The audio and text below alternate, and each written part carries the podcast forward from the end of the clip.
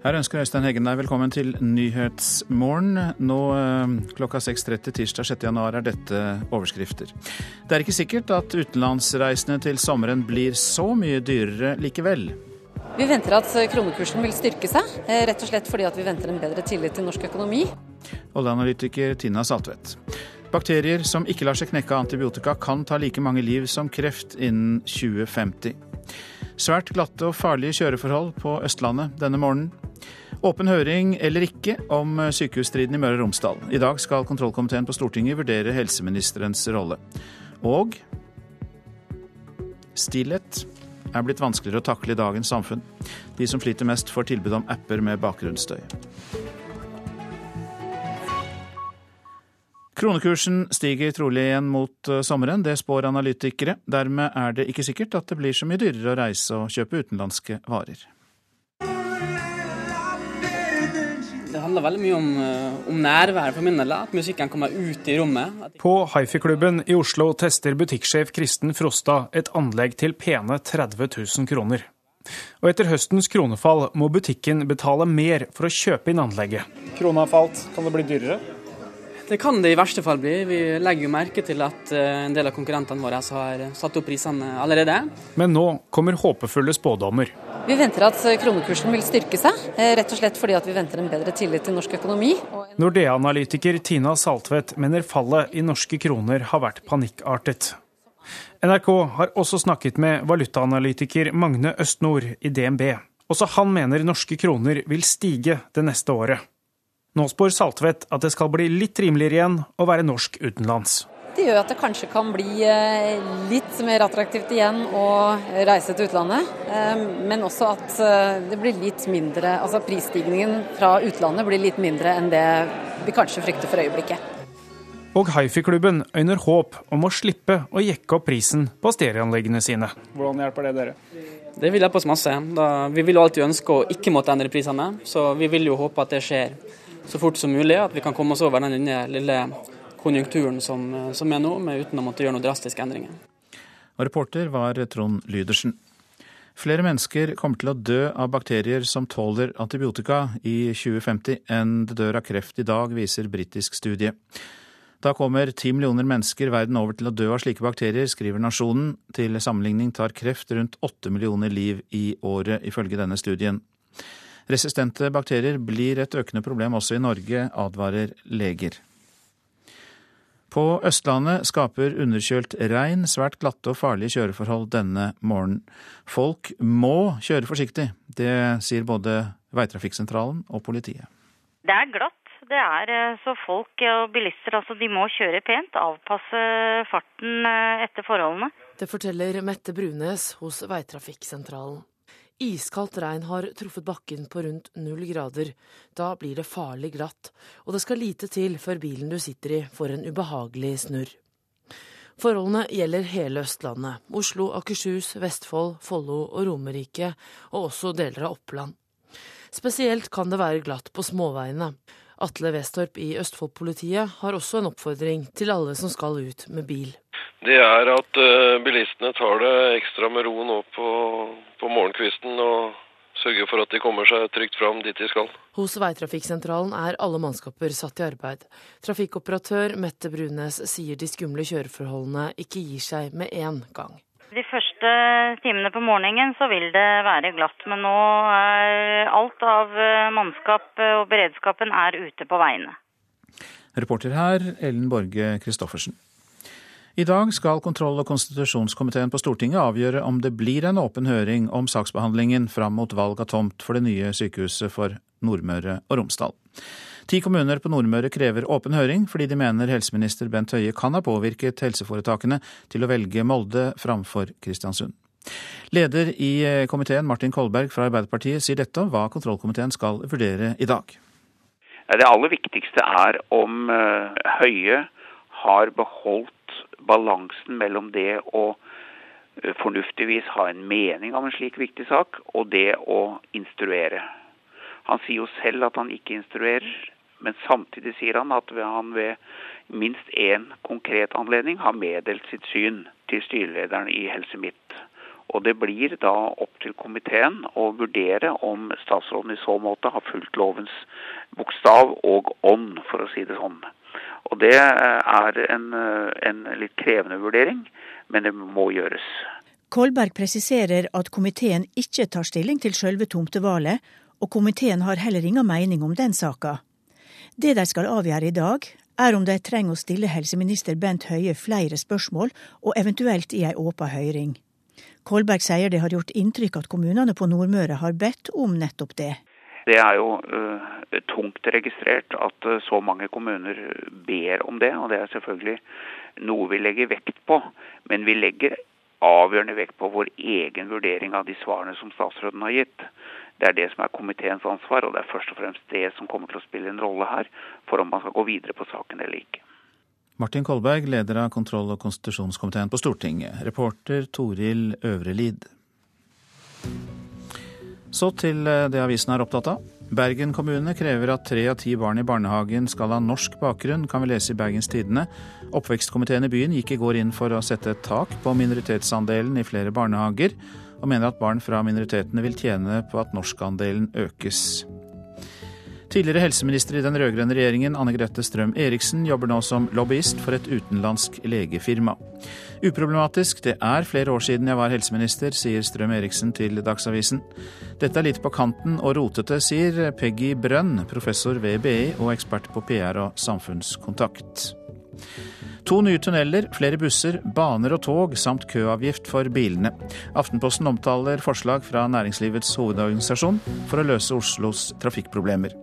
NHOs Kristin Skogen Lund sier Norge ligger langt etter om å bruke over 1000 milliarder på vei og bane i løpet av 20 år.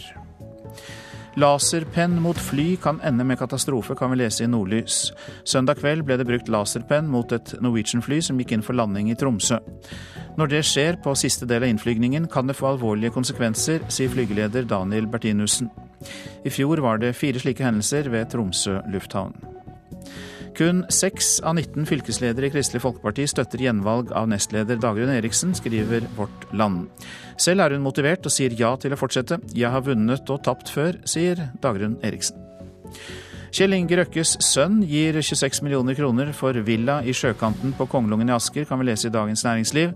Christian Monsen Røkke flytter altså hjem til Norge fra USA og inn i farens nabolag. Han får EU til å skjelve, er Klassekampens oppslag om grekeren Alexas Tsipras, lederen av det venstreradikale protestpartiet Syriza.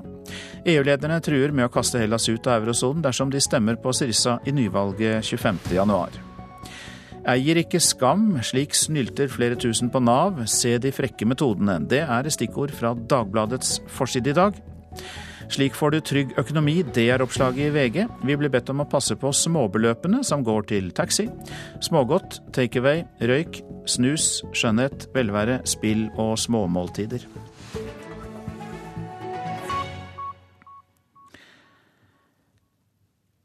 Felles eh, loft i eh, rekkehusbygg gjør at branner sprer seg raskt fra leilighet til leilighet. Rekkehuset som begynte å brenne i Solbergelva i Buskerud, der tre personer mistet livet, hadde loft med åpen løsning. Dette skjedde altså for to dager siden.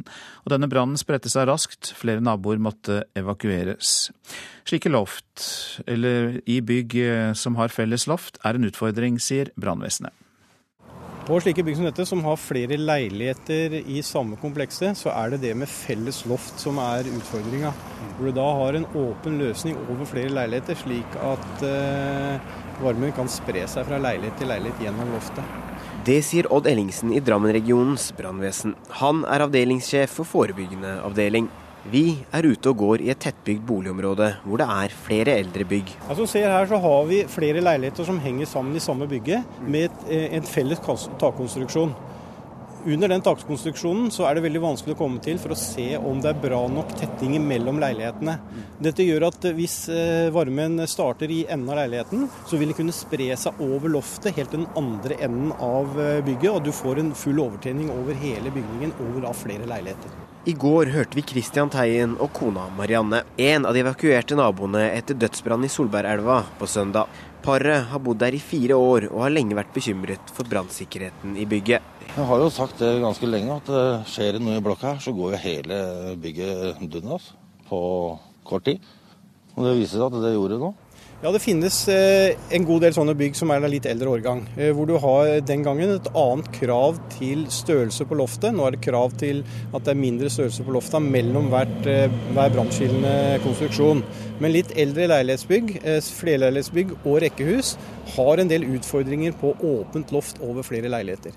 Og når vi snakker om gamle bygg, så trenger, man ikke å gå ned til eh, begynnelsen av 1900-tallet. Vi snakker om bygg fra 70-80-tallet også, hvor brannskilleveggene kanskje ikke er gode nok. Ja, det er helt riktig. Enten at de ikke er gode nok. Eh, var nok gode nok i forhold til kravet den gangen. Men, eh, men i dagens krav så har de i etterkant sett at det har vært for dårlig, og kravet har blitt skjerpa. Går det an å gjøre noe med disse gamle bygga? Går det an å forbedre sikkerheten? Ja, altså det, det går an å gå inn med branntetning i etterkant, men det er en, eh, en forholdsvis komplisert oppgave. fordi at På de lofta så er det veldig lavt og trangt, og det er en, en utfordring for å få gjort det bra nok. Eh, så det er en utfordring med den type bygg. Hva er det man kan gjøre for å bedre sikkerheten? Som vi lager mest sikkerhet, det er jo tidlig varsling. Og det å ha et fungerende røykvarseranlegg, eh, gjerne da flere detektorer som er kobla sammen. Eh, så at du får en tidligst mulig varsling, det er nok det, det, aller viktigste. I tillegg skal du selvfølgelig ha slokkemidler i, i, boligen din, det ligger jo i lovkravet. Og det viktigste kanskje hvis du skulle begynne å brenne i huset ditt eh, på natta, det er jo at du har på forhånd tenkt igjennom hvordan du skal komme deg ut av boligen din hvis du får en, en brann og det er røyk i den vanlige rømningsveien din. Hvordan du skal komme deg ut av bygningen da, sånn at du, du berger ditt eget liv. Reporter her, det var Chetan Rastogi. Marit Bjørgen er så absolutt tilbake i Tour de Ski etter at hun i fjor måtte bryte toren pga. sykdom. De vonde minnene fra den gang skal ikke få prege årets sprint, lover Bjørgen. Det er jo bestandig vanskelig å si. Jeg har jo aldri fullført en tour foran et mesterskap, så det er jo kanskje en sjanse å ta. Marit Bjørgen har ikke vunnet Tour de Ski, og hun har heller aldri fullført toren i en sesong med mesterskap. Enten har hun brutt pga. sykdom, eller så har hun ikke stilt til start. Derfor vil det bli en ny erfaring hvis hun i år gambler med VM-formen ved å fullføre Tour de Ski. Ja, Det blir jo på en liten ny erfaring òg. Litt spennende å se om jeg klarer på en måte begge. Det gjør det, men jeg føler jo at jeg er godt trent for det. Og er sterk nok til å holde et høyt nivå gjennom hele sesongen. Men så er jo den lilla, om man klarer forskjellen fra bransje til gull. Det er jo det. Tour de Ski består av sju konkurranser og er en belastning for kroppen for utøverne. Bjørgen har altså ikke gjennomført både Tour de Ski og et mesterskap i en og samme sesong, men får støtte av NRKs langrennsekspert Karl Henning Gran i at hun er i stand til å takle det. Ja, Det tror jeg absolutt. Og så vil eh, dagsformen eh, og hvordan den varierer fram mot eh, både underveis her nå, og ikke minst fram mot VM og under VM, avgjøre hvem som står på toppen. Om det blir hun, Therese Johaug, Charlotte Kalla eller Kowalczyk. Jeg får en lang periode etter Tour de Ski uten nesten konkurranse og til VM, så, som jeg får trent både hvila meg godt først og får trent en god periode. Reporter, det var Geir Elle. Klokka den nærmer seg 6.44. Dette er hovedsaker. På hele Østlandet skaper underkjølt regn svært glatte og farlige kjøreforhold denne morgenen. Både veitrafikksentralen og politiet advarer de som skal ut i trafikken. Kronekursen stiger trolig igjen mot sommeren, det spår analytikere. Dermed er det ikke sikkert at det blir så mye dyrere å reise og å kjøpe utenlandske varer. Flere mennesker kommer til å dø av bakterier som tåler antibiotika i 2050 enn det dør av kreft i dag, viser britisk studie. Da kommer ti millioner mennesker verden over til å dø av slike bakterier. Og mange av landets mest kjente restauranter bryter forbudet mot alkoholreklame. Det skal vi høre mer om. Per dags dato er det ikke register over hvordan det, hvor det finnes hjertestartere i Norge. Årlig rykker ambulansene i Vestfold og Telemark ut på eh, litt under 300 hjertestans per år, og eh, bare 13% av de personene som er involvert, overlever. Og eh, hjertestartere kan jo i mange tilfeller øke sjansene for eh, overlevelse. Avdelingsoverlege på sykehuset i Vestfold, Jon Erik Sten Hansen, ønsker et slikt nasjonalt register velkommen. Ja, altså Det som skjer i hjertet ved såkalt hjertestans, det er vanligvis en fullstendig elektrisk kaos, slik at impulsene går i alle retninger istedenfor systematisk. Og Da blir hjertet stående vibrere istedenfor å slå, og da stopper blodsirkulasjonen umiddelbart. Det en hjertestarter eller automatisk defibrillator gjør, er for å si det enkelt å trykke kontroll alt delete. Hjertestarteren tilfører et likestrømstøt som sletter all elektrisk aktivitet i hjertet, slik at styringssenteret i hjertet overtar kontrollen igjen. Men det aller viktigste er at noen gjør noe med en gang, sier Sten Hansen. Det som aller først må i gang, det er brystkompresjon. Eh, så er det eh, viktig, hvis det er en sånn automatisk defibrillator, i nærheten, at den eh, kommer fram. Hvis den kan komme fram før, før ambulansen er der, så eh, kan det øke sjansen ytterligere til å redde liv. Ved Kilden kino i Tønsberg har bedriften i bygget og beboerne gått sammen og kjøpt en hjertestarter. Det til tross for at de er i umiddelbar nærhet til sykehuset i Vestfold. Kinosjef Tommy Liverød forklarer hvorfor. Vi har, eh, vi har veldig mye mennesker her, og i et vidt aldersspenn og, og så sett uh, vidt spenn av helse også.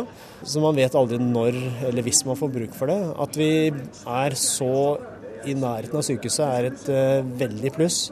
Og at vi har en hjertestarter som vi kan uh, ha på stedet og kan bruke fort, er det ekstra plusset. Per dags dato er det ikke et register på hvor det finnes hjertestartere i Norge. I Danmark har de satt seg som mål å bli det landet i verden hvor flest mennesker yter livreddende førstehjelp. De bruker store penger på å ha et velfungerende register og kart over hvor det befinner seg hjertestartere. I alt er ca. 11 000 registrert i basen. Noe lignende skulle gjerne Sten Hansen hatt. Ja, det er helt åpenbart at det hadde vært veldig flott hvis eh, også dette registeret kunne integreres i forskjellige typer kart, bl.a. som våre kart. Altså, nå har vi noe som kalles Samhandlingsreformen. Eh, Dvs. Si det er samarbeid mellom sykehusene og kommunehelsetjenesten på mange områder. Også på det akuttmedisinske. Vi har et begrenset antall ambulanser. Eh, og fra tid til annen så er de eh, opptatt alle sammen. Og da er det klart at kommunehelsetjenesten kan da spille en helt uh, vesentlig rolle. Så det er et håp om at uh, kommunen også kan ha oversikt over uh, de, de defibrillator som finnes i kommunen, og hvilke ordninger som skal til for å kunne få tak i disse. I dag følger det med et registreringsskjema som er frivillig å sende inn. Det betyr at det ikke er noen klar oversikt over hvor hjertestartere finnes, om de fungerer eller om kontaktnummeret er i funksjon. Problematisk, mener Sten Hansen. Det er jo helt avhengig av om det er en beredskap, om det er et, eh, et eh, kontakttelefonnummer. Eh, det som jeg er skeptisk til, er jo at de telefonnumrene vi også får oppgitt. Etter noen år så er kanskje ikke de telefonnumrene tilgjengelige lenger. Og det vil jo da være et problem. Hvis våre ANK-operatører blir sittende og ringe til en telefon som ikke besvares. Hos eh, Kilden kino er hjertestarteren lett tilgjengelig, og det er alltid en person til stede i bygget som er kursa i bruken av hjertestarteren. Det skapet, som er eh, godt synlig for alle ansatte og også kunder, står plassert midt i foajeen, og da er det ofte at folk kan tukle litt. Vi har eh, valgt å installere en alarm på det eh, som eh, går ut i bygget, og det tilkaller jo oppmerksomhet. Enten så er det noe som har tukla med det, og vi kan fort eh, finne ut av det, eller så har det skjedd en situasjon, og da får man jo også oppmerksomhet rundt det, og flere kan hjelpe til. Har du hatt bruk for det ennå? Nei, det har vi heldigvis ikke. Reporter Vegard Lilleås. Og her i Nyhetsmorgen gjør vi et hopp til Asia og Bangladesh. Der beskylder statsminister Sheikh Hasina opposisjonsleder Khaleda Sia for å skape anarki. Grunnen er nemlig Sias oppfordring til massedemonstrasjoner på ettårsdagen for det omstridte valget i landet. Og nå til Bangladesh eh, hovedstad Dhaka og deg, ambassadør Merete Lundemo. Og i hvilken grad så har folk eh, fulgt oppfordringen fra opposisjonslederen? Ja, god morgen. Ikke i spesielt stor grad, må jeg si. De eh, demonstrasjonene og sammenstøtene vi så i går, de var jo alvorlige nok. Det var eh, fire som ble drept, og det var mange som ble skadd i sammenstøt rundt omkring i provinsen, og også her i Dhaka. Men uh, hvis man sammenligner det med de urolighetene som gikk forut for valget i fjor, så, så det, var, det veldig, så var det ikke veldig alvorlige forstyrrelser vi så i går. Situasjonen var rolig, den var aldri kritisk. Det var noen hjemmelagde bomber, det var noen biler som ble brent, men det var en relativt rolig situasjon i Dhaka. Bangladesh er jo et fattig land, men det er valg, det er demokrati. Hvordan vil du beskrive den politiske situasjonen nå når det er så spent? Det var veldig spent i, i de siste dagene som leder opp til ettårsdagen for valget i fjor. Du har rett i at det er en tradisjon å ha demokratiske valg. Men eh, valget som fant sted for ett år siden, det var ikke spesielt demokratisk, og det var heller ikke fritt. Opposisjonen boikotta valget. Og eh, de to partiene som dominerer politikken her, de var ikke enige om rammen på hvordan, de, eh, hvordan valget skulle holdes. Regjeringa holdt valget, og folk fikk ikke noe reelt det var ikke reelle alternativer. Mange kandidater, De fleste kandidatene ble, eh, fikk ikke folk stemme på engang. Men nå ser det ut som at uh, Awami League og Sheikh Hasina kommer til å sitte hele femårsperioden. Det godtar ikke opposisjonspartiet og Khaled Asiya. De krever nyvalg, og det er kjernen i uenigheten mellom de to store politiske partiene. Hvilken retning tror du det da kan gå dersom de som nå sitter med regjeringsmakt, eh, fortsetter å nekte å holde nyvalg? Det spørs jo hvor lenge kan de nekte å holde nyvalg ut hele perioden. Det er, det er jo én mulighet. En annen mulighet det er, det er at, eh, at, man eh, ser en situasjon der mange støtter opposisjon, og mange uttrykker misnøye med at man ikke kommer til på den politiske arenaen. Det man har sett det siste året, det er at uh, Awami League og regjeringa har ikke latt opposisjonen komme til. De får ikke lov til å holde møter. Og det er de som sier at uh, regjeringa prøver å presse det konkurrerende partiet ut av, uh, av politikken her, her, i landet. Det er jo en maktkamp vi ser, det som foregår nå. Det er et kapittel i en maktkamp mellom to familiedynastier som dominerer politikken. Og Regjeringspartiet har stramma grepet om makta i året som har gått. Og det har ikke vært ut, udelt positiv utvikling for demokrati. Det har skjedd ting gjennom året som gjør at det nå er lettere for regjeringa å avsette høyesterettsdommere. Ytringsfriheten har blitt innskrenka, og organisasjonsfriheten har også fått eh, en del utfordringer. Og det har vært flere tvungne forsvinninger. Så det er tegn på at demokratisk utvikling ikke går udelt i rett retning. Og det er mange som ser tegn til at Awami League vil som sagt knuse opposisjonspartiet. og de, Det er noen analytikere som peker på at kanskje man ser skritt fram mot en ettpartistat, der du har eh, en slags forståelse om at den, eh, den, eh, det dominerende partiet de sørger for økonomisk og sosial framgang i bytte for stabilitet. Og Det er jo en modell som man har sett i andre land her i, i, i denne verdensregionen. Mange takk. Unnskyld at, avbrøt, unnskyld at jeg avbrøt deg.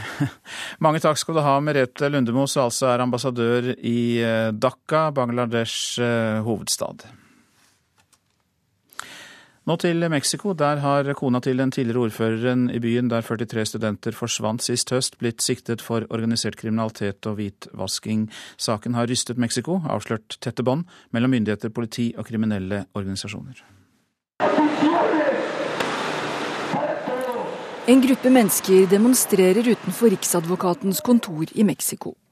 De krever rettferdighet for de 43 studentene som forsvant i september, etter å ha blitt arrestert av politiet i byen Iguala. Ifølge Riksadvokaten overleverte politiet studentene til en lokal kriminell organisasjon, med bånd til de mektige narkokartellene. De skal så ha drept dem og brent de døde kroppene. Flere titalls politifolk er arrestert, men hjernen bak det hele skal være den lokale ordføreren og hans kone, ifølge myndighetene. Thomas Heron de Lucio ved Riksadvokatens kontor forteller på en pressekonferanse at Maria de los Angeles Pineda Villa, kona til den tidligere ordføreren, er tiltalt for organisert kriminalitet og hvitvasking av penger. Brødrene hennes har forbindelser til de lokale kriminelle gjengene i byen Iguala, der studentene forsvant, ifølge Riksadvokaten. Medlemmer av gjengene skal ha fortalt at mannen hennes ba politiet arrestere studentene, slik at de ikke skulle forstyrre en tale hun skulle holde på et lokalt arrangement. Bare én av de drepte studentene har blitt funnet og identifisert. De 42 andre er fortsatt savnet, og saken har rystet Mexico og ført til kraftige demonstrasjoner over hele landet. Den har også ført til den største politiske krisa for president Enrique Peña Nieto, som nå er i USA for å møte president Barack Obama.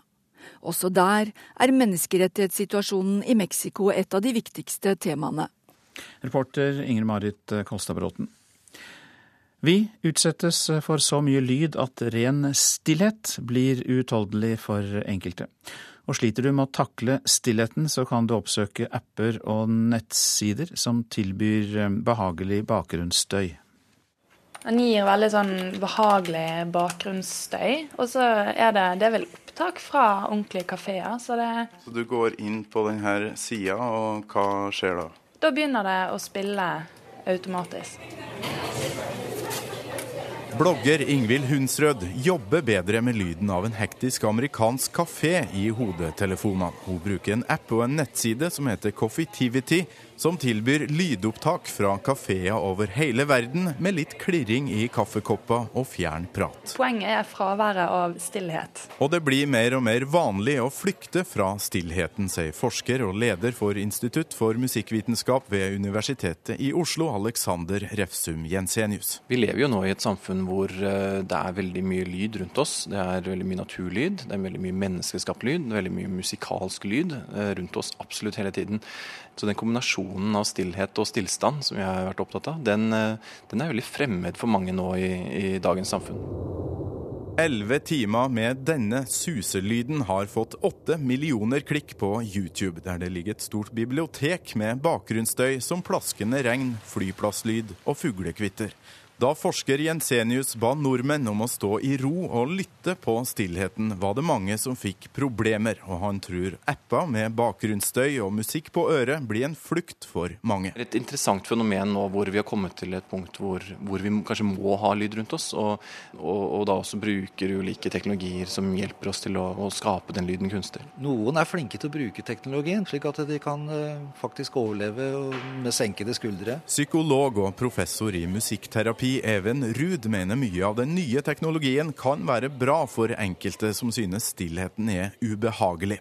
Men det bør brukes med måte, og Ruud anbefaler lange pauser for å unngå tinnitus, hørselstap og stressreaksjoner. Jeg tror nok at eh, at hjernen har godt av noen ganger å skifte frekvens. Ja, du kan sette i gang reaksjoner, hormonreaksjoner osv. Som, som gjør at uh, kroppen kommer i en stressituasjon. Eller så anbefaler jeg salmesang, faktisk. For det er veldig sånn behagelig. Og um, Du får jo ikke lyst til å danse, på en måte. Det er bare sånn behagelig bakenstøy. For meg er det det. ja, kanskje bruker du oss i Nyhetsmorgen som bakgrunnsstøy. For en fryktelig tanke. Reporter her var uh, Torkil Thorsvik. Så til værvarselet. Fjell i Sør-Norge. Sørlig stiv kuling utsatte steder. Mot natten dreiende vestlig og minkende. Spredt snø fra ettermiddagen. Økende nedbør. Østland og Telemark. På kysten sørlig liten kuling. Litt sludd eller snø av og til, som eh, regn sør for Oslo. I kveld sørlig frisk bris og stiv kuling på kysten. Regn, snø nord for Hamar, og det blir lokal tåke. Så til Agder. På kysten sørlig liten kuling. I kveld stiv kuling seinere minkende vind. Regn og yr, snø over 600 meter i Agder. Vestlandet sør for Stad. Sørlig sterk kuling nord for Boknafjorden. Litt regn eller yr, snø over 800 meter. I kveld vestlig liten kuling utsatte steder. Og det blir regn, snø over 400 meter og lokal tåke i kveld. Møre og Romsdal sørlig stiv kuling på Sunnmøre. Litt regn, snø over 800 meter. I kveld liten kuling på kysten. Regn, snø over 300 meter. Trøndelag nå. Sørøstlig liten og til dels stiv kuling utsatte steder. Litt sludd eller snø. Nordland sørøstlig stiv kuling utsatte steder. Ytterst i Lofoten perioder med sterk kuling. Snø i indre og høyereliggende strøk. På kysten sludd eller regn. Troms sørlig eller sørøstlig liten kuling utsatte steder. Tilskyende. Fra ettermiddag litt snø i vest. Finnmark sterk sørlig kuling i utsatte kyst- og fjordstrøk. Utpå dagen liten storm langs kysten i øst. Klarvær. Fra ettermiddag tilskyende. Og Nordensjøland på Spitsbergen. Sørøstlig frisk bris, i kveld stiv kuling. Tilskyende vær, fra i ettermiddag litt snø. Temperaturer klokka fire. Svalbard minus seks, Kirkenes minus 21, Varde minus tre, Alta minus 13, Tromsø minus fire. Bodø minus to, Brønnøysund pluss tre, Trondheim to, Molde tre, Bergen og Stavanger seks, Kristiansand-Kjevik én grad, Gardermoen minus én, Lillehammer og Røros minus fem. Og Oslo-Blindern pluss én. Framstegspartiet har lova seg bort i Krekar-saka, hevder Arbeiderpartiet. Og underkjølt regn har ført til såpeglatte veier på Østlandet. Her er NRK Dagsnytt klokka sju. Det at mulla Krekar nå blir sett fri fra fengsel, viser at Framstegspartiet har kommet med løfter de ikke har klart å innfri. Det sier leder i Stortingets justiskomité, Hadia Tajik fra Arbeiderpartiet. Krekar ble dømt i 2012 for å ha kommet med trusler mot Erna Solberg og tre kurdere. Om tre uker er han igjen en fri mann. Når mulla Krekar blir gående fritt i Norge, samtidig som landet har en justisminister fra Fremskrittspartiet, så setter det Fremskrittspartiets justispolitikk i et mer realistisk lys enn noensinne før. Så jobber vi nå hardt i alle mulige kanaler for å finne ut hvordan vi skal få returnert mulla Krekar innenfor de rammene som menneskerettighetene setter. Det sa justisminister Anders Anundsen fra Frp i går kveld. Kristelig Folkepartis partileder Knut Arild Hareide sier at Krekar-saken nå legger et ekstra press på Fremskrittspartiet. Ja, Det er det ingen tvil om. Fremskrittspartiet har lovt dette til velgerne, at kom de i maktposisjon, så dette er noe de skulle ordne opp i. Og det er òg min forventning. Reporter Hans Jørgen Solli. Og det blir straks mer om denne saka i Nyhetsmorgen på P2 og Alltid nyheter. Biler snurrer rundt, og både Statens vegvesen og politiet advarer nå mot svært glatte veier ei rekke steder på Østlandet i dag. Og reporter Kaja Figenschou, du er i Nittedal nord for Oslo. Hvordan er det der? Du, jeg har dristet meg ut på disse veiene i morgentimene i dag. Jeg har stoppet på en bensinstasjon på Gjelleråsen i Nittedal. Her er det altså ja, litt ruglete skøytebane, vil jeg si. Det er svært glatt på parkeringsplassen her. Og det er klart det er på småveiene føret er aller verst. På hovedveiene så ser det ut til at det går ganske greit. Folk holder et ganske sånn lavt tempo, vil jeg si, og holder kanskje litt mer avstand enn det man pleier å gjøre. Men inn mot rundkjøringer, spesielt brolagte rundkjøringer, er det ganske ille. Og bilene seiler på en måte inn i disse litt vanskelige svingene flere steder. Takk skal du ha, Kaja Figenschou. Og det er altså spesielt glatt på Romerike, Asker og Bærum, hele Østfold, deler av Oppland. Byrådet i Bergen er først ute i Norge med å sette et tak på hvor mange barn med utenlandsk bakgrunn det kan være i en barnehage. Oppvekstkomiteen går inn for at minst 30% av barna skal ha norskspråklig bakgrunn. Det skriver Bergenstidene i dag. NRK Dagsnytt, Silje Sande. Hva er det med Krekar, politikerne og rettsvesenet? Vi analyserer floken her i Nyhetsmorgen. Oppdrettere som er lakselusverstinger må redusere virksomheten. Næringen selv varsler økonomiske tap.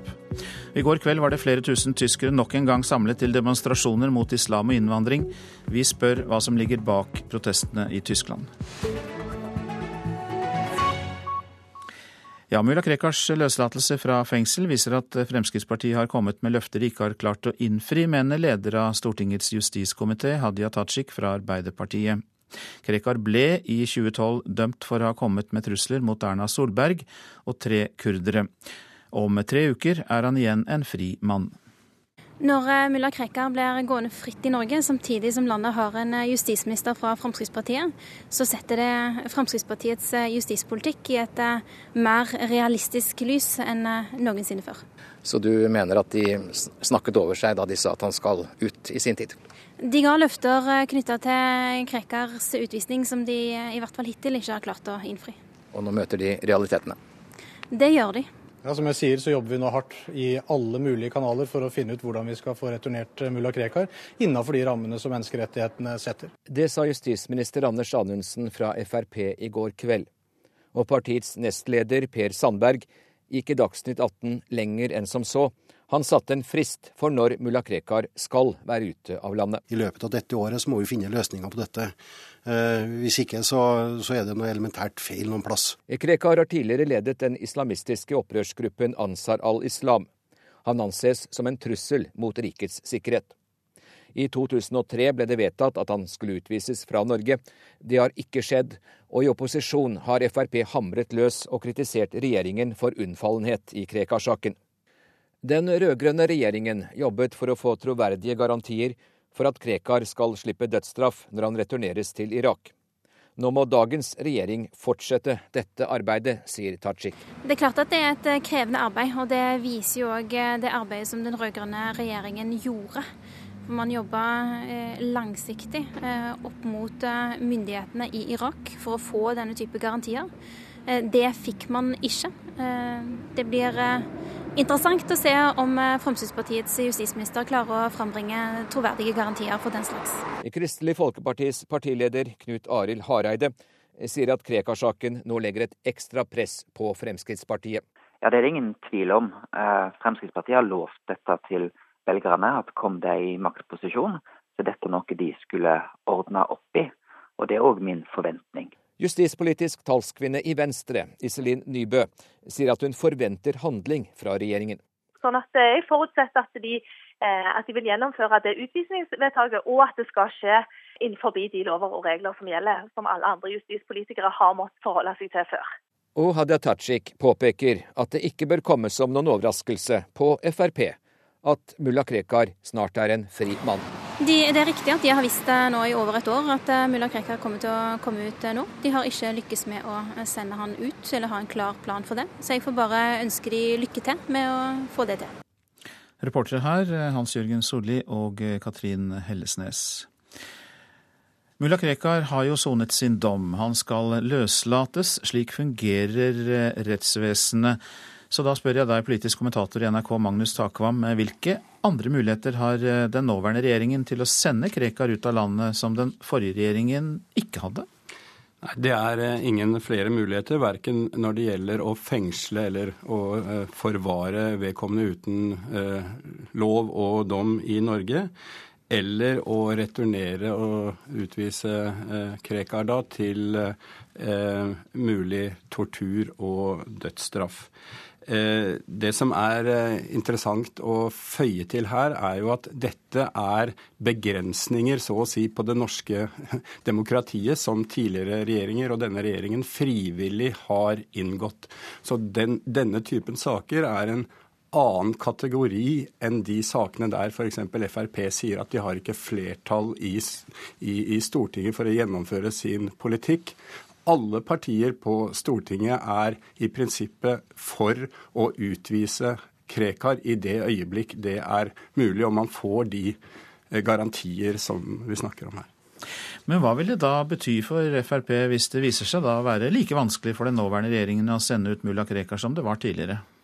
Nei, det er klart, Dette er et av de absolutt såreste punktene, og som når vi leser eh, nettsider og kritikk av, eh, av FrPs praksis i regjeringen, så er det bompenger og mulla Krekar som, som uh, går igjen. Og Jan Arild Ellingsen fra Frp har jo sammenlignet det å få Krekar ut av landet for Frp med at Obama greide å drepe Osama bin Laden. sånn at det er, på en måte en sak av veldig stor symbolverdi. Og vi legger jo merke til nå også at uh, mange av stortingsrepresentantene til Frp stiller krav om at nå må det skje noe raskt, og for så vidt skaper seg en fallhøyde da, dersom regjeringen ikke får til det de snakker om, å utvise han i løpet av året f.eks. Så får vi se om de får det til eller ikke, men du nevnte symbolverdi. Hvorfor har Krekar-saken så veldig stor symbolverdi, da? Det kommer inn i bildet av internasjonal terrorisme. Altså, Mulla Krekar har stått på FNs liste over eh, terrorister fra 2006 er det vel, og det et, foreligger et lovlig utvisningsvedtak for veldig mange, så, så, er det vanskelig da å forstå at man ikke bare kan utvise vedkommende. Og det er klart det er, det er, eh, det er eh, vanskelig for alle eh, regjeringer, men som sagt, her har man sluttet seg til internasjonale menneskerettigheter og konvensjoner som trumfer nettopp dette. Mange takk, Magnus Takvam, politisk kommentator her i NRK. En rekke lakseoppdrettere må halvere antall fisk på flere oppdrettsanlegg. Det tvinger Mattilsynet gjennom, der laksen har vært full av lus i en lang periode. I flere måneder har regiondirektør i Mattilsynet Bjørn Røthe Knutsen samlet informasjon om eh, det vi kan kalle luseverstingene. Hele ideen bak det vi nå gjør, er jo å identifisere enkeltlokaliteter som vi vet og kan dokumentere eh, har ligget og ligger som lusebomber, altså som spredningskjerner for lus til både egne anlegg og omkringliggende anlegg. Aldri tidligere har Mattilsynet gjort en grundigere analyse av lakselussituasjonen. Tall for ett og et halvt år er sammenstilt, og om noen uker vil tilsynet fortelle hvilken oppdrettslokaliteter som tvinges til å redusere virksomheten. Flere selskap i Norge vil falle innenfor den gruppa hvor det er nødvendig å gå videre og varsle vedtak om eh, reduksjon av mengden fisk som kan være på lokaliteter. Men det er mange som mener tiltaket kommer altfor sent. Det har vært ganske mange stygge eksempler i år. Da. Og det er jo eh, laks som nesten har vært spist opp av lus, med store sårskader. Altså, og disse sårene går ofte infeksjoner i. Men det er jo også et problem med disse infeksjonene, det er at den kan smitte villfisk som står i elvene. Altså, Jeg syns jo det er dyreplageri, rett og slett. Sa laksefisker Roald Dahl til NRK Ekko i desember. Villfiskentusiaster som Dahl har lenge etterlyst handling mot lusa. Også i oppdrettsnæringen er det et ønske om å rydde opp, sier Øyvind André Haram, informasjonssjef i Oppdretternes Landsforening FHL. Men oppdrettere som tvinges til å redusere antall fisk, vil tape penger. Det er snakk om mye fisk, til en høy verdi, og da vil det ramme hardt. Men det er klart det, en er urolig eh, blant mindre selskap langs kysten i dag på at uh, dette kan råke ganske hardt. For de store selskapene som har mange områder å flytte rundt fisken sin på, så det, vil det bli langt enklere. Om noen uker vil regiondirektør Knutsen i Mattilsynet fortelle hvilken anlegg som tvinges til å redusere antall oppdrettsfisk. Problemene med lakselus har så langt vært størst i Trøndelag og Møre og Romsdal. Vi ser at dette ikke er begrensa bare til, til Midt-Norge. Det er jo en nær forbindelse mellom de oppdrettsintensive områdene i Norge. Så vi har både Hordaland, Sogn og Fjordane, Møre og Romsdal og Trøndelagsfylkene. Og så en mindre forekomst, som ikke var overraskende heller, når det gjelder selskap generelt i Nord-Norge. Går det an å gi et hint om hvor mange lokaliteter vi her snakker om? Nei, jeg vil ikke gjøre det ennå. Det, det, er for mange til at jeg vil si at situasjonen er god. Reporter her, det var eh, Line Tomter. God morgen til deg, Øyvind Fjellseth. Takk. Du er fiskerikonsulent i Norges jeger- og fiskerforbund, og her kommer det altså tiltak. Eh, hva syns du om det? Eh, tiltak er bra så lenge det blir gjennomført. Det har jo vært mye prat og lite handling i, i mange år, og også det siste året. Men uh, hvor stort uh, er det problemet med villfisken og lusa i dag, sett fra Jeger- og Fiskerforbundets side? Nei, Det er fortsatt dessverre veldig veldig stort, særlig for sjøørret langs store deler av kysten, der du har store konsentrasjoner av oppdrettsanlegg. Men uh, også for, for villaksen. Hvor engstelig er da dere for at Mattilsynet til syvende og sist vil ta for stor hensyn til oppdretternes økonomiske tap? For som vi hørte i innslaget her, de blir jo ikke små. Nei, altså det, er store antall fisk. Det er mange hundre tusen fisk det er snakk om. 200 000 fisk i et anlegg. Så klart Skal du halvere det, så er det jo et, et, et tap. Men, men, det tapet må tas. Eh, her må rett og slett miljøet komme foran økonomien. Hva kan da gjøres for miljøet, etter din oppfatning, for kanskje å eh, bli kvitt problemet helt, hvis det lar seg gjøre? Det, det, den beste løsninga er å få all oppdrett inn i lukka anlegg. Der du har kontroll på, på, det vannet som kommer inn og det vannet som går ut. Da har du kontroll også med lakselus. Det er et stykke fram eh, dit, men der må også myndighetene være klare på, på at dit skal vi. Raskt. Og eh, så er det jo et annet problem. Eh, det er jo eh, da også gjort tester på villfisk i Haldenvassdraget med gener fra oppdrettsfisk. Kan du si litt mer om det som er funnet der? Ja, altså det, det, som, det, som, er spesielt der, er jo at i, på Skagerrak så er det jo i praksis ikke lakseoppdrett. Mm. Uh, og, og, så har vi da allikevel stort innslag av oppdrettsgener i den fisken som ligger borte i Østfold.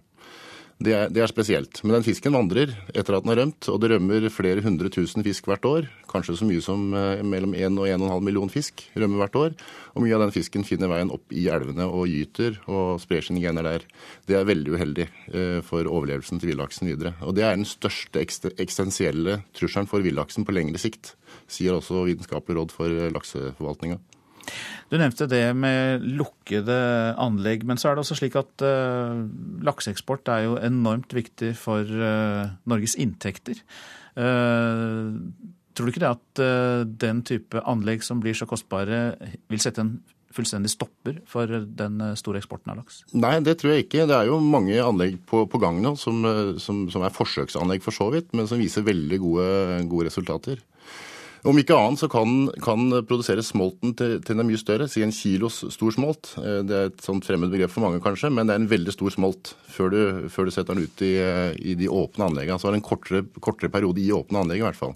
Så reduserer du miljøtrusselen noe. Eh, men lokka anlegg i hele, hele produksjonssyklusen er det aller, aller beste. Og, og, og du får færre tap eh, og en, en bedre kvalitet på fisken. Til slutt, Øyvind Fjelseth, hvorfor er villaksen så viktig? Villaksen er viktig i seg sjøl. Som en egen art og egen organisme så er den viktig i seg sjøl. Men så er den også enormt viktig for veldig mange mennesker som ja, i forhold til rekreasjon og, og, og bosetning langs, langs, elvedalene. Dette her er jo den, den viktigste arten vi har langs, langs, mange elvedaler. Mange takk skal du ha. Øyvind Fjelseth, du er fiskerikonsulent i Norges jeger- og fiskeforbund. Dette er Nyhetsmorgen, og klokka den passerte nettopp 7.16. Vi har disse hovedsakene. På Østlandet skaper underkjølt regn svært glatte og farlige kjøreforhold. Både Veitrafikksentralen og politiet advarer de som skal ut i trafikken nå.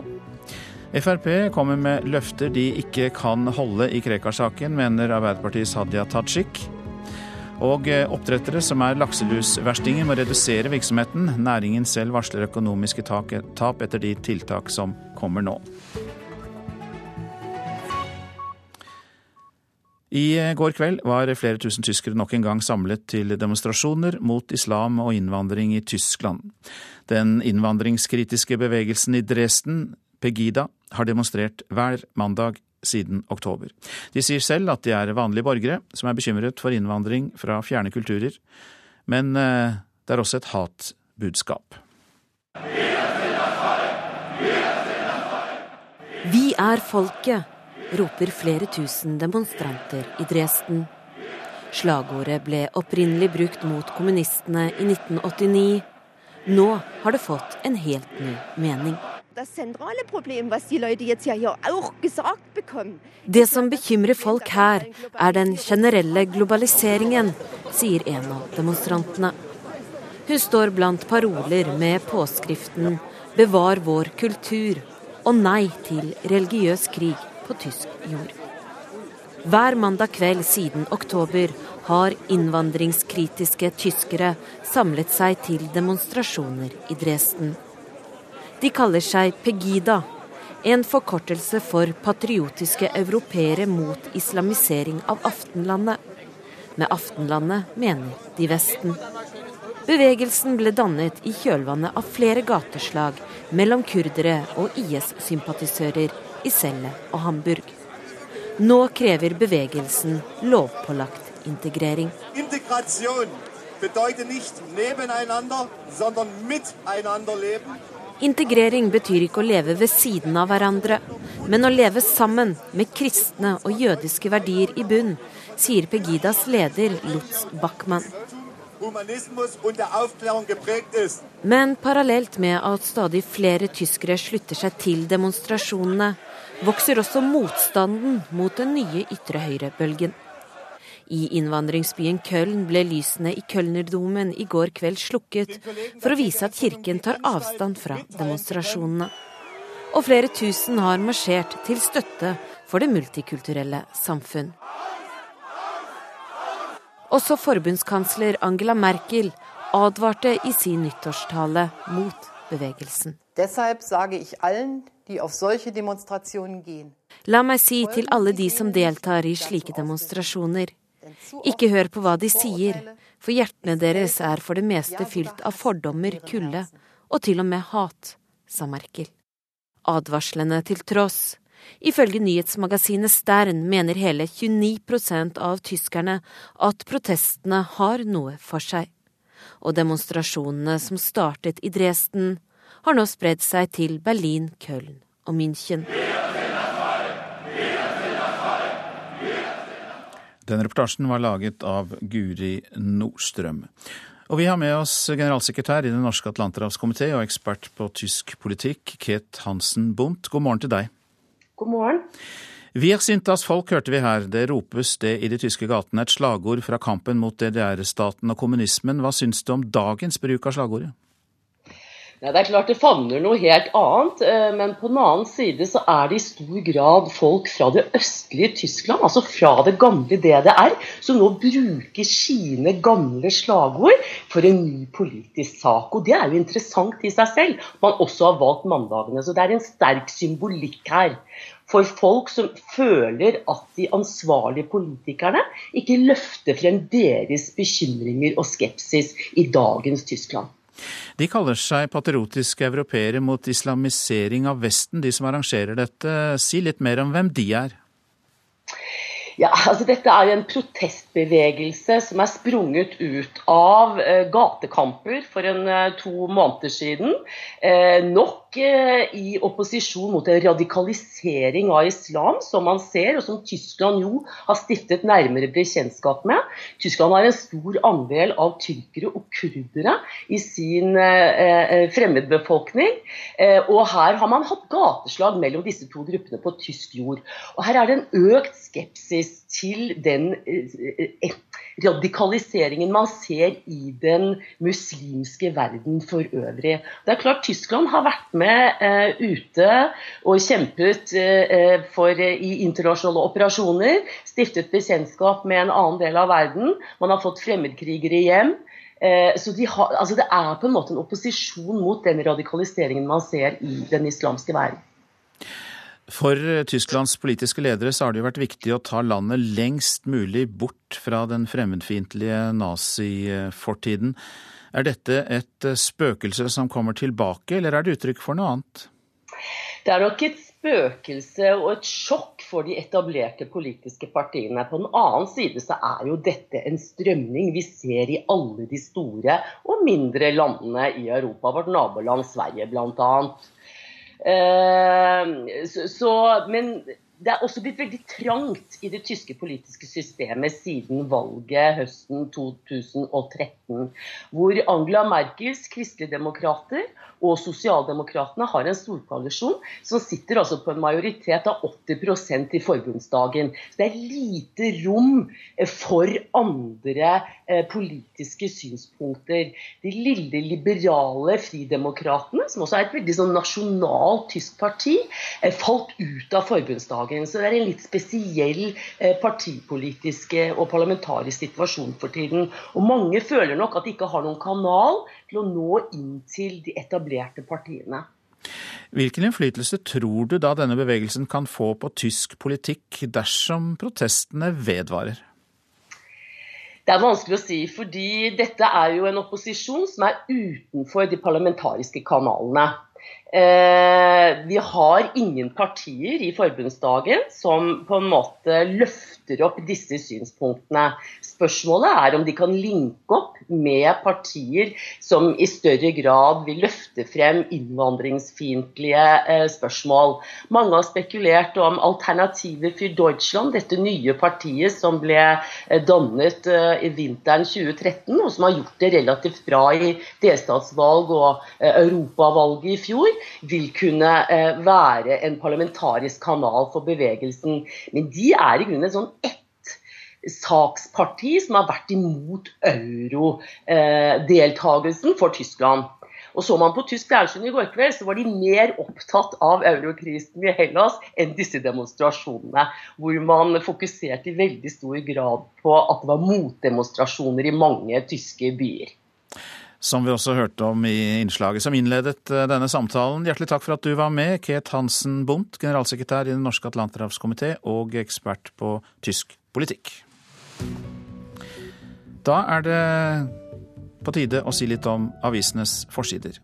Resistente bakterier vil etter hvert ta flere liv enn kreft, skriver Nasjonen. Bakterier som ikke lar seg knekke av antibiotika, vil innen 2050 ta ti millioner liv. Flere dødsfall enn kreft forårsaker i verden i dag. Bergen kommune krever at tre av ti barn i barnehagen skal ha norsk bakgrunn, kan vi lese i Bergens Tidende. Oppvekstkomiteen i byen går inn for å sette et tak på minoritetsandelen i flere barnehager. Tidligere helseminister i den rød-grønne regjeringen, Anne Grete Strøm-Eriksen, jobber nå som lobbyist for et utenlandsk legefirma. Uproblematisk, det er flere år siden jeg var helseminister, sier Strøm-Eriksen til Dagsavisen. Dette er litt på kanten og rotete, sier Peggy Brønn, professor ved BI og ekspert på PR og samfunnskontakt. To nye tunneler, flere busser, baner og tog, køavgift for bilene. Aftenposten omtaler forslag fra Næringslivets hovedorganisasjon for å løse Oslos trafikkproblemer. NHOs Kristin Skogenlund sier Norge ligger langt etter om å bruke over 1000 milliarder på vei og bane i løpet av 20 år. Laserpenn mot fly kan ende med katastrofe, kan vi lese i Nordlys. Søndag kveld ble det brukt laserpenn mot et Norwegian-fly som gikk inn for landing i Tromsø. Når det skjer på siste del av innflygningen, kan det få alvorlige konsekvenser, sier flygeleder Daniel Bertinussen. Kun 6 av 19 fylkesledere i Kristelig Folkeparti støtter gjenvalg av nestleder Dagrun Eriksen, skriver Vårt Land. Selv er hun motivert og sier ja til å fortsette. Jeg har både vunnet og tapt før, sier Dagrun Eriksen. Og Kjell Inge Røkkes sønn gir 26 millioner kroner for villa i sjøkanten på Kongelungen i Asker, kan vi lese på forsiden av Dagens Næringsliv. Christian Monsen Røkke flytter altså hjem til Norge fra USA og inn i farens nabolag. Flere av dem som bor ved grensen til Sverige, opplever stor trafikk langs småveiene som krysser grensen. Dette er attraktivt for folk som vil smugle varer mellom Norge og Sverige. I Hedmark er det hele 36 grenseoverganger som tollvesenet må passe på.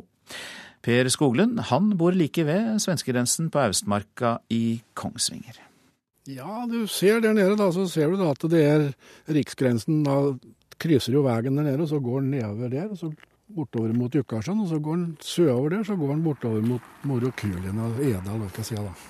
Per Skoglund bor på Kjerre på Austmarka i Kongsvinger kommune.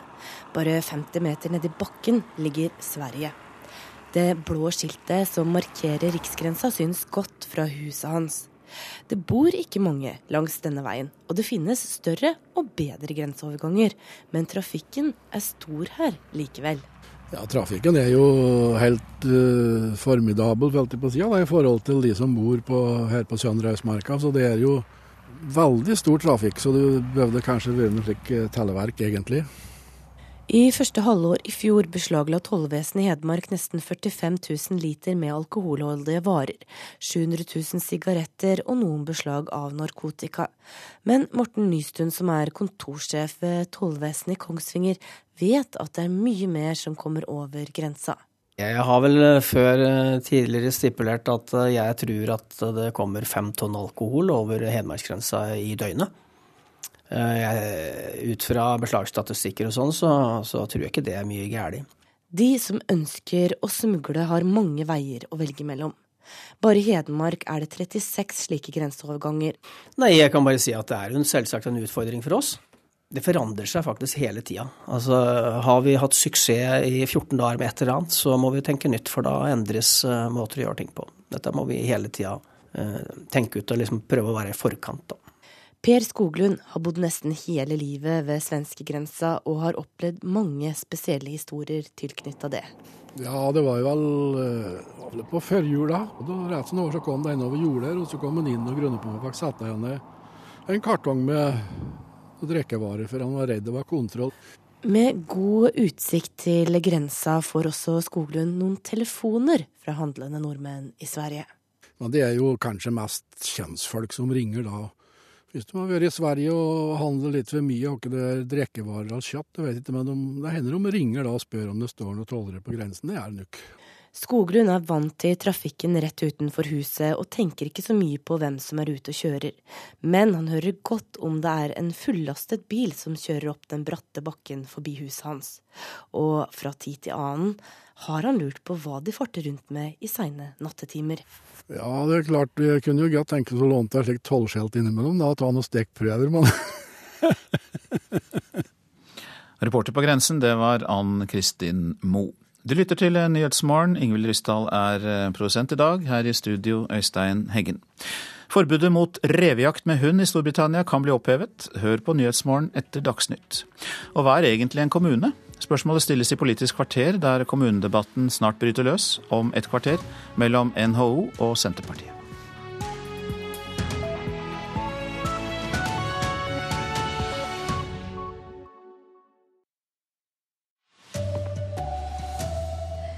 Framstegspartiet har lova seg bort i mulla Krekar-saka, det hevder Arbeiderpartiet. Eksperter tror kronekursen skal oppover igjen det neste halvåret. Og mange av oss takler ikke lenger at det er helt stille i rommet. God morgen, her er NRK Dagsnytt klokka 7.30. Det at mulla Krekar nå blir sett fri fra fengsel, viser at Fremskrittspartiet har kommet med løfter de ikke har klart å innfri. Det sier leder i Stortingets justiskomité, Hadia Tajik fra Arbeiderpartiet. Krekar ble dømt i 2012 for å ha kommet med trusler mot Erna Solberg og tre kurdere. Om tre uker er han igjen en fri mann. Når eh, mulla Krekar blir gående fritt i Norge, samtidig som landet har en eh, justisminister fra Fremskrittspartiet, så setter det Fremskrittspartiets eh, justispolitikk i et mer realistisk lys enn noensinne før. Ja, som jeg sier, så jobber vi nå hardt i alle mulige kanaler for å finne ut hvordan vi skal få returnert mulla Krekar innenfor de rammene som menneskerettighetene setter. Det sa justisminister Anders Anundsen fra Frp i går kveld. Og partiets nestleder, Per Sandberg, gikk i Dagsnytt 18 lenger enn som så. Han satte en frist for når mulla Krekar skal være ute av landet. I løpet av dette året så må vi finne løsninger på dette. Hvis ikke så, så er det noe elementært feil noen plass. Krekar har tidligere ledet den islamistiske opprørsgruppen Ansar al-Islam. Han anses som en trussel mot rikets sikkerhet. I 2003 ble det vedtatt at han skulle utvises fra Norge. Det har ikke skjedd, og i opposisjon har Frp hamret løs og kritisert regjeringen for unnfallenhet i Krekar-saken. Den rød-grønne regjeringen jobbet for å få troverdige garantier for at Krekar skal slippe dødsstraff når han returneres til Irak. Nå må dagens regjering fortsette dette arbeidet, sier Tajik. Man jobba eh, langsiktig opp mot eh, myndighetene i Irak for å få denne type garantier. Det fikk man ikke. Det blir eh, interessant å se om Fremskrittspartiets justisminister klarer å frambringe troverdige garantier for den slags. Kristelig Folkepartis partileder Knut Arild Hareide sier at Krekar-saken nå legger et ekstra press på Fremskrittspartiet. Ja, Det er det ingen tvil om. Fremskrittspartiet har lovt dette til velgerne, at kom de i maktposisjon, så dette er noe de skulle ordne opp i. Og det er òg min forventning. Reportere Katrin Hellesnes og Hans Jørgen Solli. Med meg nå er politisk kommentator Magnus Takvam. Tajik kritiserer altså Fremskrittspartiet for at Krekar snart kan gå fritt i gatene. Er det urimelig? På bakgrunn av de uttalelsene som Frp har kommet med i opposisjon, så må partiet regne med at eh, de får så det holder når de nå eh, har justisministeren, og i praksis ikke gjør noe annet enn det den regjeringen de kritiserte i åtte år, fikk til. Dette er kanskje den enkeltsaken for Frp og mange på grasrota i Frp som de får mest kritikk for på sosiale medier osv. for ikke å ha greid å gjøre noe med i regjeringsposisjon. Ja, hva kan eh, justisministeren og regjeringa gjøre nå? Altså Det er to eh, forhold som, eh, som, det snakkes om her. Det ene er forvaring, eller på en måte at Krekar, slik Frp-ere sa det tidligere, ikke kunne gå fritt i gatene og, og burde, burde, fengsles eller forvares. Det kan man ikke gjøre i henhold til norsk lov og rett. Og han kan heller ikke uten videre utvises med fare for å møte tortur og dødsstraff i Irak. Eh, slik at dette er en sak der det ikke for FrPs del eh, holder å si at vi har ikke flertall i Stortinget for vår politikk, fordi hele Stortinget er enige om å utvise Krekar i det øyeblikk det er mulig, i henhold til disse rammene som, som vi snakker om. Takk skal du ha, Magnus Takvam. Både Statens vegvesen og politiet advarer mot svært glatte veier en rekke steder på Østlandet i dag. Underkjølt regn har gjort mange veier farlig glatte. og Trafikkoperatør i Vegtrafikksentralen Mette Brunes sier det er sendt ut eh, mye mannskap nå i morgentimene. De første timene på morgenen så vil det være glatt, men nå er alt av eh, mannskap eh, og beredskapen er ute på veiene. Iskalde regndråper har truffet bakken på rundt null grader. Da blir fort veibanen til en skøytebane. Og det skal lite til før bilen din får en ubehagelig snurr. Forholdene i dag gjelder hele Østlandet. Oslo, Akershus, Vestfold, Follo, Romerike og også deler av Oppland. Spesielt kan småveiene være glatte. NRKs reporter Kaja Figenschou var i Nittedal i Akershus for kort tid siden. Her er det altså ja, en litt ruglete skøytebane, vil jeg si. Det er svært glatt på parkeringsplassen her. Inn mot rundkjøringer, spesielt brolagte rundkjøringer, er det ganske ille. Og bilene seiler på en måte inn i disse litt vanskelige svingene flere steder. Trafikkoperatør Mette Brunes ber alle om å kjøre pent. Det er glatt det er eh, så folk og bilister altså de må kjøre pent, avpasse farten eh, etter forholdene. Reporter Ellen Borge Christoffersen. Byrådet i Bergen er først ut i Norge med å sette et tak på hvor mange barn med utenlandsk bakgrunn det kan være i en barnehage. Og Oppvekstkomiteen går inn for at minst 30% av barna skal ha norsk språklig bakgrunn. Etter alt å dømme blir framlegget vedtatt, det skriver Bergens Tidende. Tidligere helseminister Anne Grete Strøm-Eriksen jobber som lobbyist på Stortinget for et utenlandsk legefirma. Det skriver Dagsavisen. Strøm-Eriksen var både helseminister og forsvarsminister i den rød-grønne regjeringa fra 2005 til 2012. I fjor sommer ble hun rådgiver og partner i det nordiske rådgivningsselskapet Ruud Pedersen. Kronekursen stiger trolig igjen fram mot sommeren. Det tror flere analytikere. Dermed er det ikke sikkert at det blir så mye dyrere for folk flest å reise og å kjøpe utenlandske varer. Det handler veldig mye om, eh, om nærvær for min del, at musikken kommer ut i rommet. På Hifi-klubben i Oslo tester butikksjef Kristen Frosta et anlegg til pene 30 000 kroner. Og etter høstens kronefall må butikken betale mer for å kjøpe inn anlegget. Krona har falt, kan det bli dyrere? Det kan det i verste fall bli. Vi legger jo merke til at eh, en del av konkurrentene våre har satt opp prisene allerede. Men nå kommer håpefulle spådommer. Vi venter at kronekursen vil styrke seg, eh, rett og slett fordi vi venter en bedre tillit til norsk økonomi. Nordea-analytiker Tina Saltvedt mener fallet i norske kroner har vært panikkartet. NRK har også snakket med valutaanalytiker Magne Østnord i DNB. Også han mener norske kroner vil stige det neste året. Nå spår Saltvedt at det skal bli litt rimeligere igjen å være norsk utenlands. Det gjør at det kanskje kan bli eh, litt mer attraktivt igjen å reise til utlandet. Eh, men også at eh, det blir litt mindre, altså prisstigningen fra utlandet blir litt mindre enn det vi kanskje frykter for øyeblikket. Og Hifi-klubben øyner håp om å slippe å jekke opp prisen på stereoanleggene sine. Hvordan hjelper det dere? Det vil hjelpe oss masse. Da, vi vil jo alltid ønske å ikke måtte endre prisene, så vi vil jo håpe at det skjer så fort som mulig. At vi kan komme oss over den lille konjunkturen som, som er nå, uten å måtte gjøre noen drastiske endringer. Reporter Trond Lydersen. Flere oppdrettsselskap med lakselusproblem vil li store økonomiske tap når Mattilsynet tvinger dem til å redusere tallet på fisk. Det varsler oppdrettsnæringa. Mattilsynet kommer til å gå ut med oversikt over lakselusverstingene i slutten av januar, og da vil tilsynet også fortelle hva for oppdrettsselskap som må redusere tallet på fisk. Vi blir utsatte for så mye lyd i dagens samfunn at eh, enkelte ikke lenger takler at det er helt stille. Mange apper og nettsider tilbyr kundene bakgrunnsstøy for de som ikke orker fraværet av lyd. Den gir veldig sånn behagelig bakgrunnsstøy. Og så er det, det er vel opptak fra ordentlige kafeer. Blogger Ingvild Hunsrød jobber bedre med lyden av en hektisk amerikansk kafé i hodetelefonene. Hun bruker en app og en nettside som heter Coffeetivity, som tilbyr lydopptak fra kafeer over hele verden, med litt klirring i kaffekoppa og fjern prat. Poenget er fraværet av stillhet. Og det blir mer og mer vanlig å flykte fra stillheten. Vi har kommet til et punkt hvor, hvor vi kanskje må ha lyd rundt oss, og, og, og, da også bruker ulike teknologier som hjelper oss til å, å skape den lyden kunstig. Sier forsker og leder for Institutt for musikkvitenskap ved Universitetet i Oslo, Alexander Refsum Jensenius. Det er veldig mye lyd rundt oss. Det er veldig mye naturlyd, det er veldig mye menneskeskapt lyd, er veldig mye musikalsk lyd eh, rundt oss absolutt hele tiden.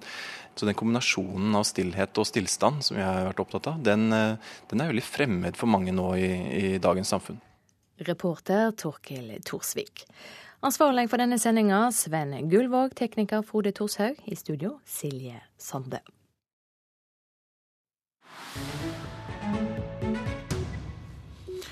Du lytter til eh, Nyhetsborn, og vi skal til Storbritannia, der den omstridte jakten på rev med hund har vært forbudt i ti år. Men etter valget til våren kan forbudet bli opphevet. For mange politikere vil tekkes velgerne på landsbygda.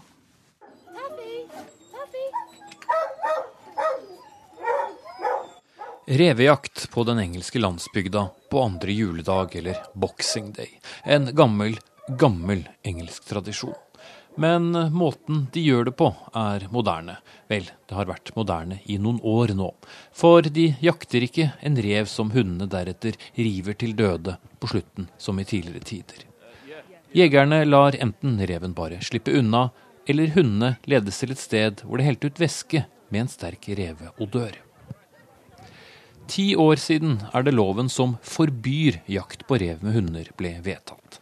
Men revejegerne er stadig ikke begeistret, og kan ikke få priset viktigheten av revejakt nok, slik som Stephen Asworth, som hadde hundekoble klart andre juledag. It's a traditional meet. Um, it's in the middle of Christmas time, and everybody enjoys to come out, and everybody has an opportunity then to come Pressgruppen Countryside Alliance har i ti år kjempet mot forbudet, og mener det er tøys.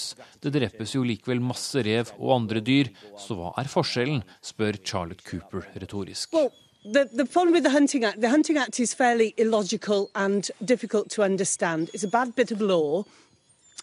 Um, just as many foxes and, and, other wild mammals are being killed now under the Hunting Act. People believe that the Hunting Act is put saving animals. It's not. Og tusenvis møtte opp på landsbygda for å støtte jegerne også denne julen. Men hvor stor er støtten til en opphevelse av forbudet? Do you think they should lift the ban on fox hunting? No. Why not? Because I think it's inhumane. Yeah. What about you? Very cruel. Og om ikke inhuman nødvendigvis er ordet, så er ikke briter flest særlig begeistret for avlivingsmetoden med hunder som de rødkledde jegerne savner så sårt. En meningsmåling viste nylig at 80% støtter fortsatt forbud. Det betyr likevel ikke at det forblir forbudt. Westminster is awash with the rumour that the government is considering an amendment to the Hunting Act. Da dagens regjering ble dannet for fem år siden, lovet David Cameron at parlamentsmedlemmene skulle få stemme fritt om revejakt. Partipisken skulle ikke gjelde. Avstemningen den skulle komme når det ble tid til det, het det. Men da noen etterlyste denne avstemningen tidligere i år, svarte David Cameron slik.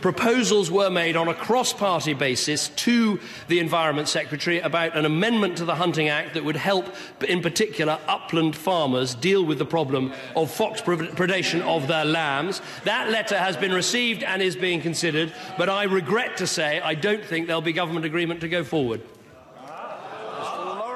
Det handlet om uenighet innad i regjeringskoalisjonen. Men nå er det litt over fire måneder til nytt valg. Mange konservative folkevalgte ønsker å gjøre noe med forbudet, og det blir trolig en valgkampsak for å tekkes de rurale stemmene.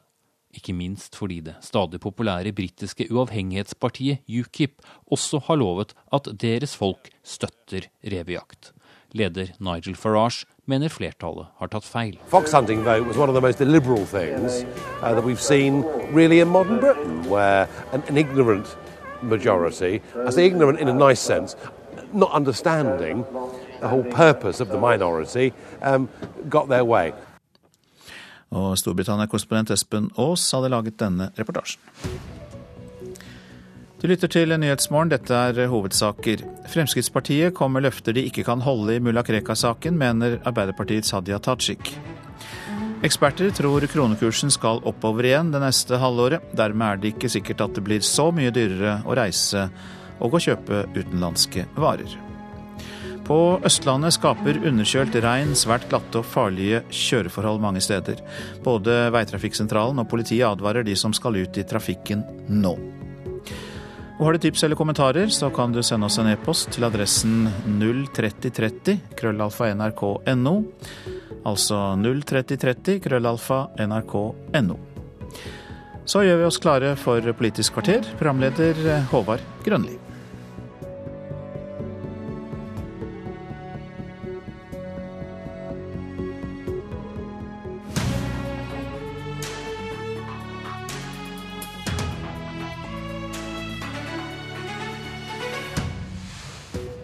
NHO har tegna nytt kommunekart. De glemmer hva en kommune er, mener Senterpartiet. Miljøpartiet vil ha slutt på at Norge kjøper seg fri gjennom å handle klimakvoter i utviklingsland. De lever på sin egen klode som vanlig, mener Høyre. Tradisjonen tru setter næringslivets hovedorganisasjon NHO dagsorden på starten av året med sin årskonferanse. Med temaet sju millioner setter de eh, fokus på den enorme folkeveksten i Norge og presset på vekstområder. Et av svarene de lanserer denne veka er å få mer fart på kommunesammenslåinga her i landet. Administrerende direktør i NHO, Kristin Skogen Lund, god morgen. God morgen. Hvorfor er kommunesammenslåing et så veldig viktig svar på vekstutfordringene? Det er en av mange ting som vi snakker om i forbindelse med denne konferansen. Men vi mener at det er riktig å gjøre da eh, ett bo- og arbeidsmarked også da til én kommune. Da er det lettere å planlegge helhetlig både samferdsel og offentlige tjenester. Og vi tror også mange kommuner vil stå seg på å se dette i en bedre sammenheng og bli mer robuste enn mange er i dag. Dere viste fram NHOs ønska kommunekart med 100 kommuner i Dagbladet i går. Hva konkret er det som blir bedre da med at hele Grenland eller hele Sunnmøre eller hele Salten er én kommune? Da kan man se eh, transportløsninger, eh, bo- og arbeidsmarked som en helhet. Da får man bedre sammenhenger. Man får et større arbeidsmarked i den regionen, som gir bedre tilfang til kompetanse for næringslivet. Man får mindre avstandsulemper. Og så får man også bedre kompetanse i kommunen. Det gjelder eh, når man skal kjøpe inn i det offentlige, når man skal yte tjenester til innbyggerne i det offentlige, saksbehandling, planprosesser.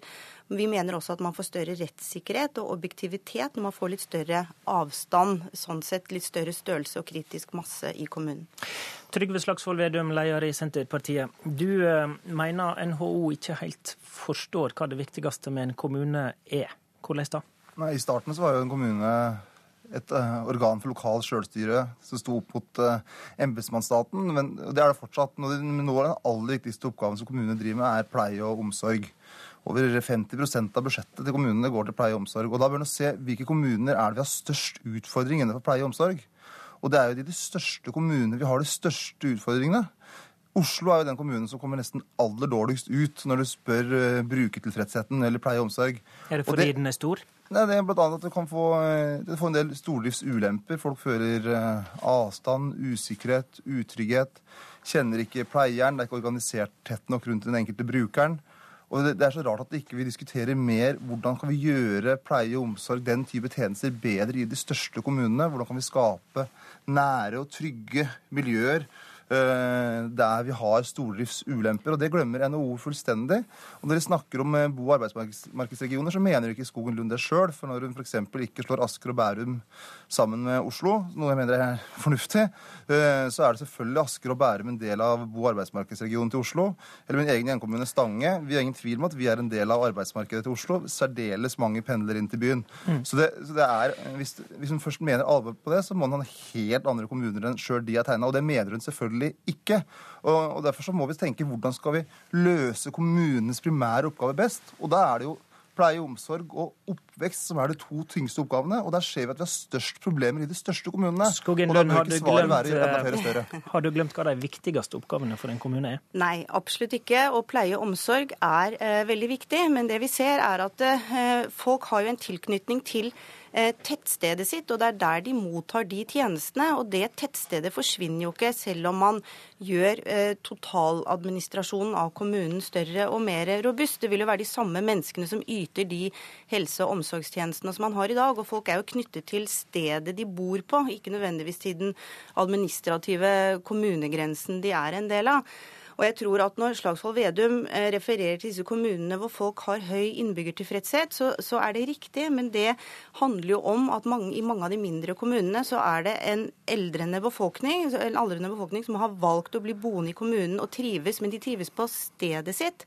Og Utfordringen er at de samme kommunene scorer veldig dårlig på bærekraftsmålinger f.eks. For eksempel, fordi de unge flytter ut. Det skapes ikke vekst og nye arbeidsplasser. Og da er man på vei mot en fremtid hvor man har stadig færre inntekter og stadig større utgifter. Og da vil det bli vanskelig å yte den gode omsorgen som man i dag er fornøyd med. Og dette må vi gjøre noe med i dag, for når det begynner å merkes om noen år, da er det litt sent å begynne å tenke på det. Vedum, Vedum, du er med oss eh, fra studio i Elverum. Du våkna i Stange, du har kjørt gjennom Løten og er nå i Elverum. Du er den tredje kommunen bare i dag. Er dette rasjonelt? Ja, det er veldig, det er veldig rasjonelt, og det er klokt. fordi at man ser jo at eh, når man får større kommuner, også får man mer byråkrati. Eh, og man ser når eh, du spør innbyggerne i store kommuner kontra mellomstore kommuner, så er folk mer fornøyd med saksbehandlinga. Det er lettere å få kontakt med saksbehandler, det er mindre byråkratisk, og det er mer oversiktlig. Og det glemmer også Skogen Lund, at når du skal lage store, nye kommuner, så vil det bli mer byråkrati og større avstander mellom bedrift og dem som faktisk styrer i kommunen. Og så er det en altfor lett analyse Skogen Lund gjør når det gjelder pleie og omsorg. For vi, vi ser jo helt klare sammenhenger mellom kommunestørrelse og utfordringer. Og da burde vi diskutert hvordan kan vi gjøre pleie og omsorg bedre i de store kommunene? Hvordan kan vi få nærere og bedre miljøer der? Og Jeg har heller ingen tro på det Skogen Lund foreslår eh, i sitt rapport, og Høyre også er enig i, at man skal måtte slå, Savanger, slå sammen Stavanger og Sandnes, og tro at det blir mer effektivt å drive Nord-Jæren, som de kaller det, med så store uh, enheter som det der kommer til å bli. Det kommer til å bli mer byråkrati og vanskelig å drive som bedrifter. Men jeg... NHO tror at det å drive en kommune er som å drive en spikerfabrikk, og sånn er det ikke. Ja, Er ikke dette en bedriftstankegang, Skogen? Nei, det er ikke det. Og det er viktig å, å vite at når vi har gjort denne øvelsen her, så har vi faktisk snakket med næringslivet ute i det ganske land. Det er våre regionkontorer som har satt dette sammen. Og det interessante er at både SSB og regjeringens ekspertutvalg kommer frem til omtrent de samme områdene og de samme antallet kommunene. Og det er rett og slett at det blir det er slik kartet tegnes hvis man ser et bo- og arbeidsmarked som en helhet. Og det er klart at for, for å ta Nord-Jæren som eksempel, det består i dag av rundt syv kommuner. Det vil si at det er syv kommuner som skal enes om transport, om kollektivløsninger og hvor, hvor man skal plassere tjenestetilbud, skole, sykehus og alt mulig. Det er klart det er enklere og blir bedre løsninger av det hvis man kan se det som en eh, helhet. Går regjeringa sin kommunereform fort nok? Altså, Vi tror det er riktig å skynde seg langsomt slik det nå gjøres, og at man gir tilstrekkelig tid og anledning til at man finner frem til gode lokale løsninger. Det er en god måte å starte denne prosessen på. Men det kan ikke gå altfor langt. På et eller annet tidspunkt så må Stortinget ta det ansvaret Stortinget har, nemlig å sørge for at Norge har best mulig forvaltning. Og da må man skjære gjennom hvis ikke de lokale løsningene faller på plass.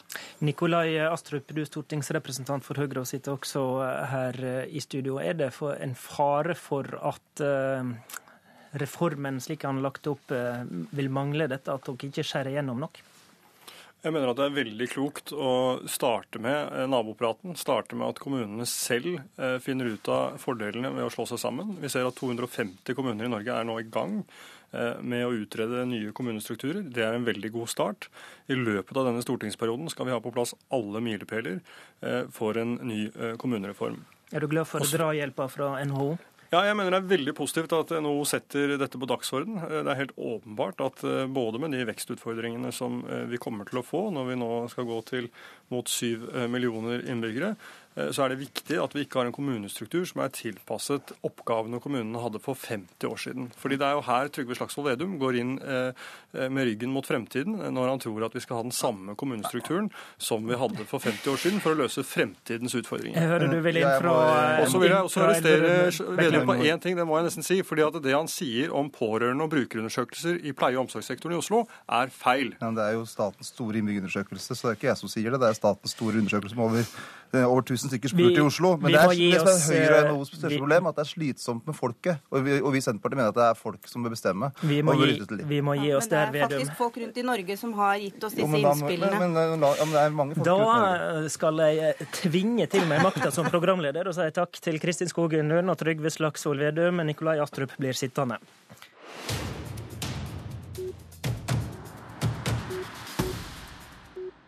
For eh, kjøp av klimakvoter i eh, utviklingsland har eh, blitt et hinder for utslippskutt her i landet. Det mener Miljøpartiet De Grønne.